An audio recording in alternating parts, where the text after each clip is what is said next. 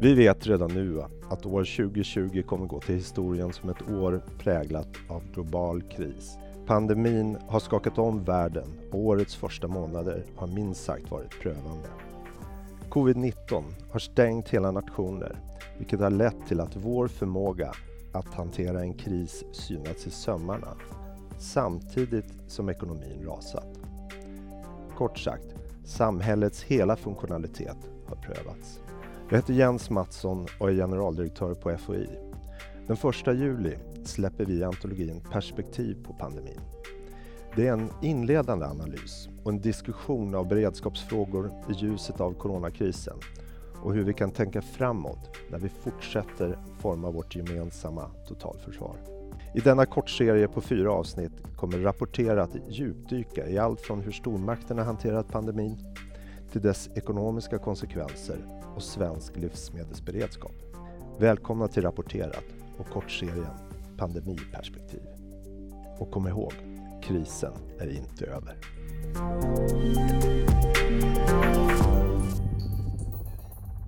Den 19 mars får Myndigheten för samhällsskydd och beredskap ett uppdrag från regeringen som innebär att krisinformationen om covid-19 sätter igång på allvar.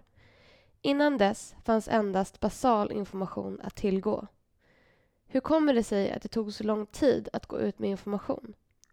I detta avsnitt ska vi prata mer om vikten av effektiv kriskommunikation med Ola Svenonius.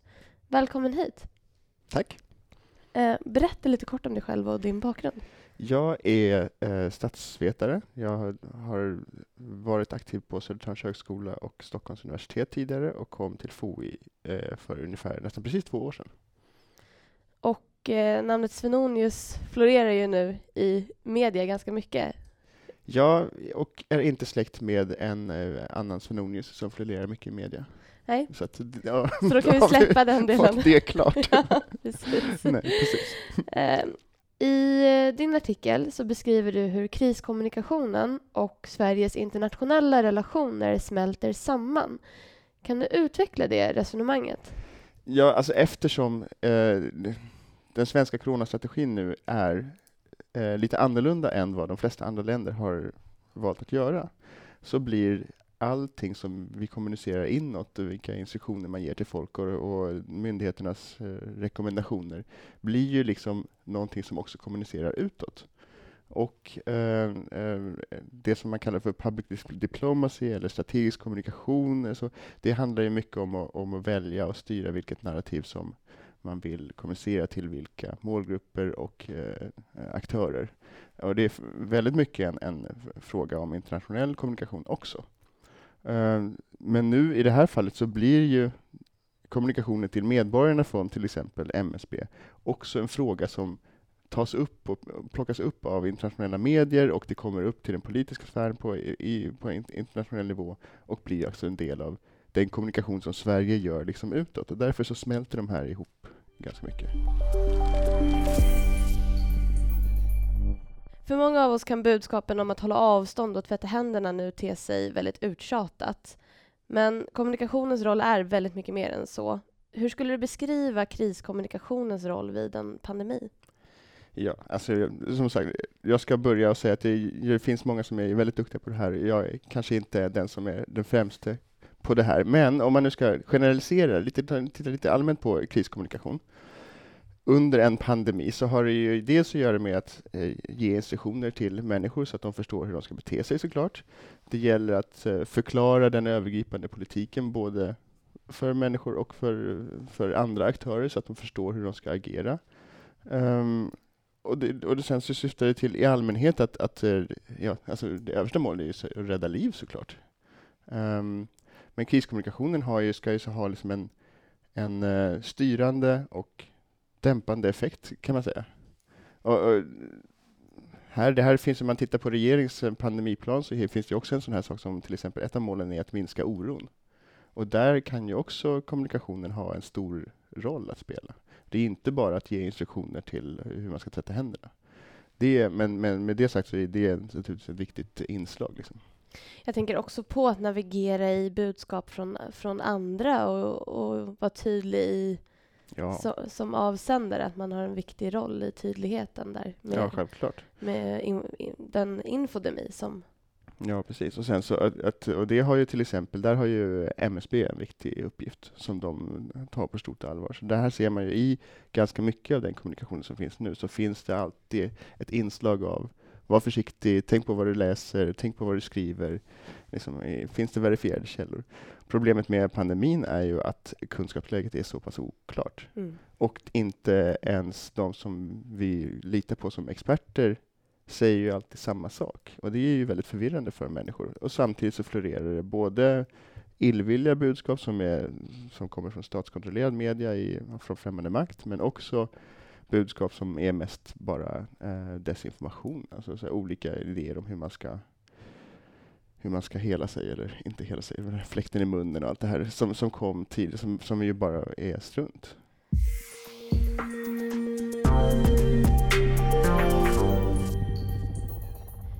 I artikeln så beskrivs kommunikationen som inledningsvis reaktiv, saknade strategisk ansats med målsättning, målgruppsanalys och angreppssätt.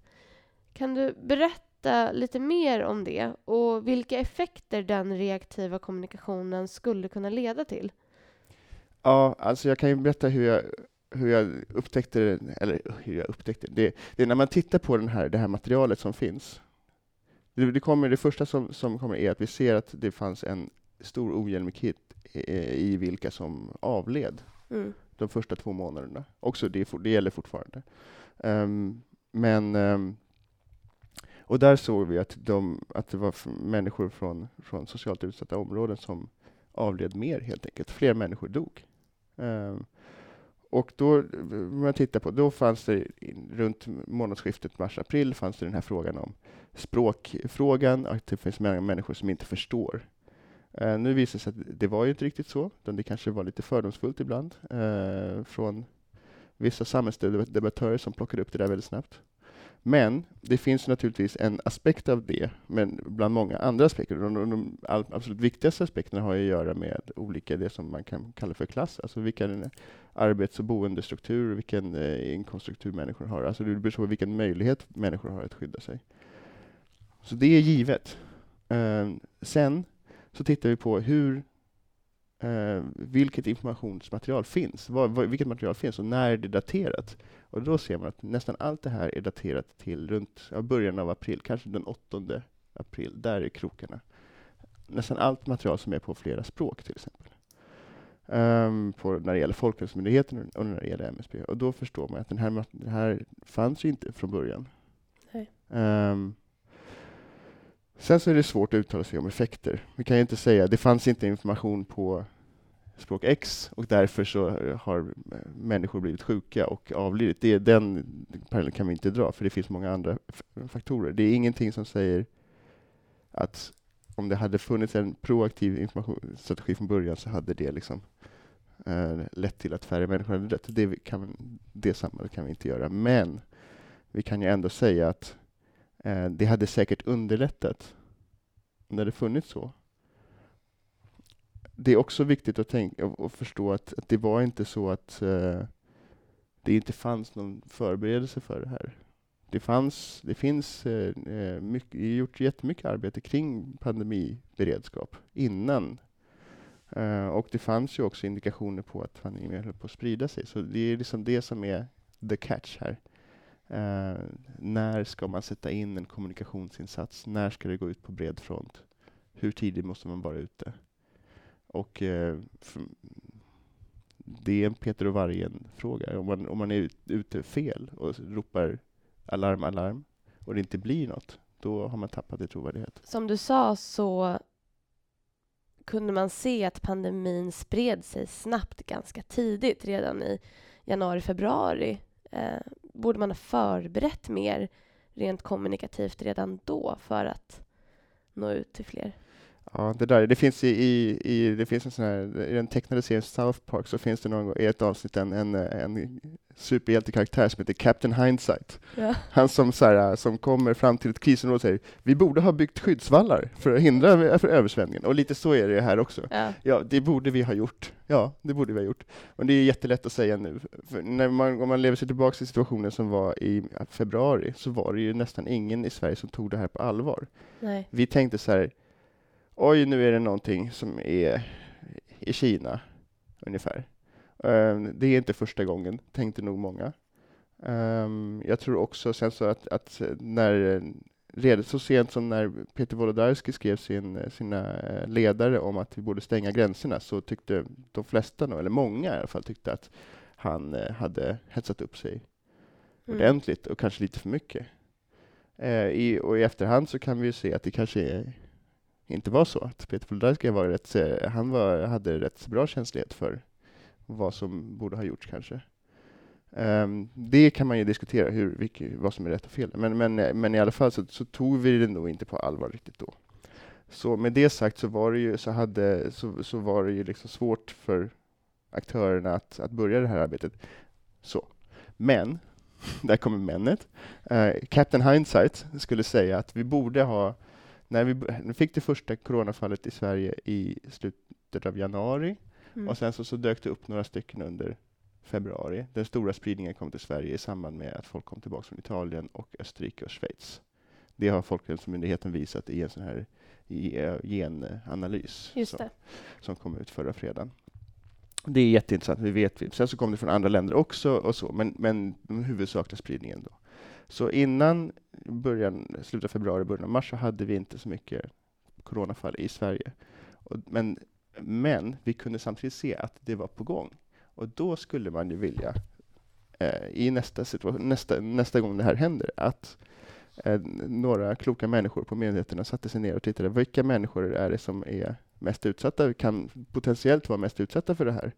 Eh, vi ser att det finns mycket desinformation eller, kring, kring coronan. Hur ska vi hantera det nu eh, i relation till det här? Och, sen, och redan då börja arbeta med material. Så det som man skulle vilja gjort, det är ju att vi satt och ser, aha, nu har det gått två veckor, vi har fått några coronafall i Sverige. Det är bäst att vi sätter oss ner och gör någonting här.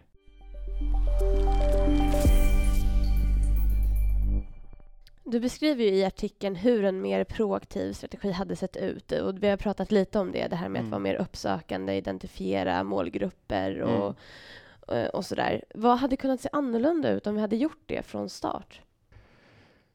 Ja, jag tror att det hade, att en stor sak som, som eh, och det här måste jag säga, det är lite tentativt, men, men ehm, det som vi saknar, och fortfarande saknar i viss mån, är en sorts eh, allmänövergripande förklarande ansats till eh, hur det svenska systemet fungerar eh, och vilka möjligheter som finns. Um, en person som kanske har flyttat från ett annat europeiskt land för att arbeta på universitetet här, eh, tänker kanske att det finns ett undantagstillstånd i Sverige, precis som det gör i andra länder, men det gör det inte. Eh, vi kan inte införa ett undantagstillstånd, för vi har eh, höjd beredskap, och det handlar om krig.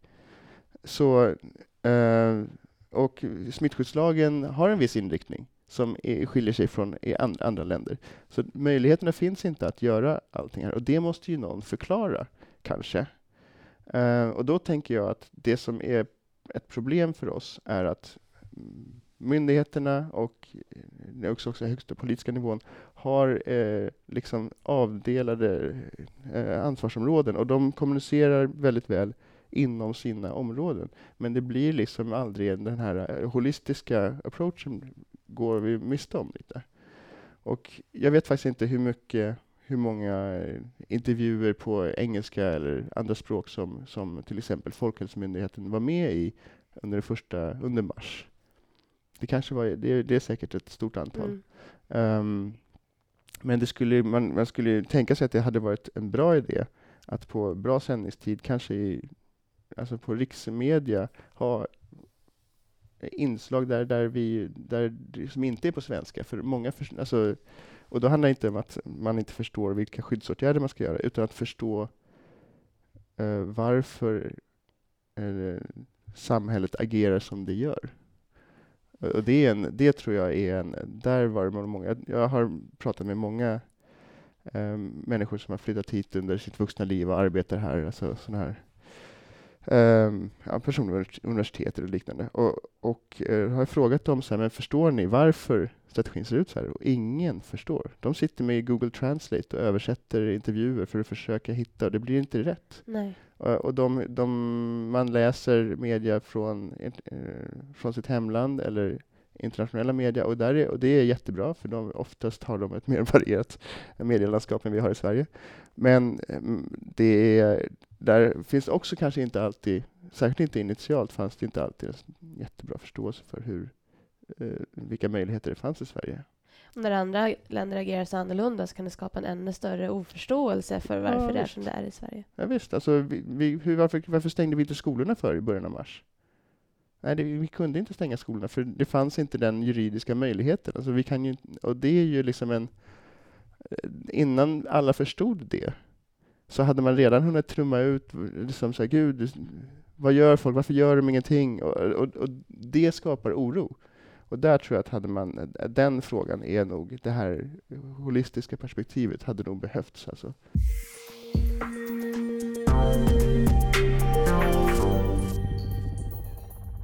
Men vad ska vi ta med oss till eh, nästa kris? Vad har vi varit riktigt bra på eh, ur kommunikationssynpunkt?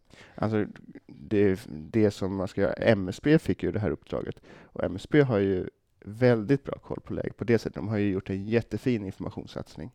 Eh, de har engagerat sig lokalt så som man ska göra tillsammans med Region Stockholm och ett gäng andra aktörer. Ehm, man har ingått i mer målgruppsanpassad eh, kommunikation. Man har eh, valt olika kanaler. Så att efter att, efter att det här började så har ju insatts igång en satsning som har varit eh, på liksom formellt sett eh, skrupelfri. Alltså den är jätte, jättefin. Och Folkhälsomyndigheten har ju kommunicerat också på ett sätt som är eh, jättebra. De här de ledande personligheterna som vi, känner, som vi nu känner väldigt väl, de har ju varit ute dag och natt. Mm. Och de har gjort intervjuer med precis allting och alla.